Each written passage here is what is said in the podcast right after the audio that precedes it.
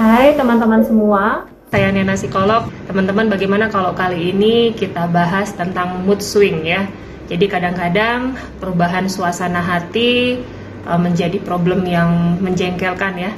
Kadang-kadang kita merasa hati kita baik, senang, stabil, tapi tiba-tiba jadi ngerasa sedih, pengen marah dan um, menjadi negatif ya. Nah, kadang-kadang juga ada yang bertanya, kalau pacar saya sering moodnya berubah-berubah itu, apakah dia sudah pasti bipolar atau gimana?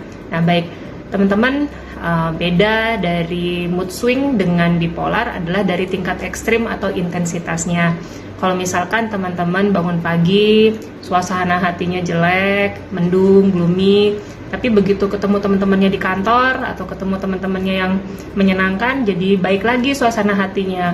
Nah kemudian di jalan macet ya suasana hatinya berubah lagi menjadi jengkel menjadi jenuh pengen marah gitu ya. Dan sampai di rumah sudah istirahat baik lagi suasana hatinya. Nah apakah itu sudah dikatakan bipolar? Belum tentu. Jadi jangan buru-buru untuk self diagnosis atau mendiagnosa diri sendiri dengan gangguan bipolar ya. Karena yang namanya bipolar itu tingkat mood swing atau perubahan moodnya itu sangat ekstrim makanya dikatakan disorder ya. Jadi seperti roller coaster ya. Jadi tingkat intensitasnya sangat sering. Dan itu bisa berlangsung berminggu-minggu bahkan berbulan-bulan.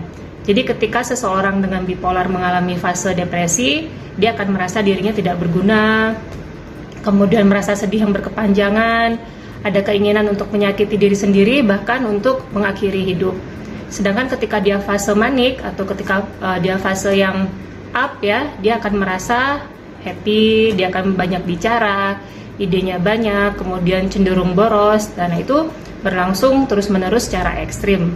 Sehingga yang bisa dilakukan adalah coba datang kepada uh, seseorang dengan profesi yang memang ahli, yaitu seorang psikolog ataupun psikiater, untuk bisa mendiagnosa secara pasti.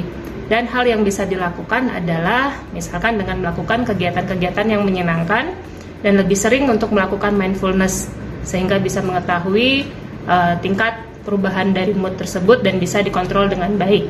Jadi uh, jangan buru-buru untuk men-self diagnosis mentang-mentang sering mood swing belum tentu uh, bipolar ya. Kita pun sering berpotensi untuk mood swing dalam kehidupan sehari-hari.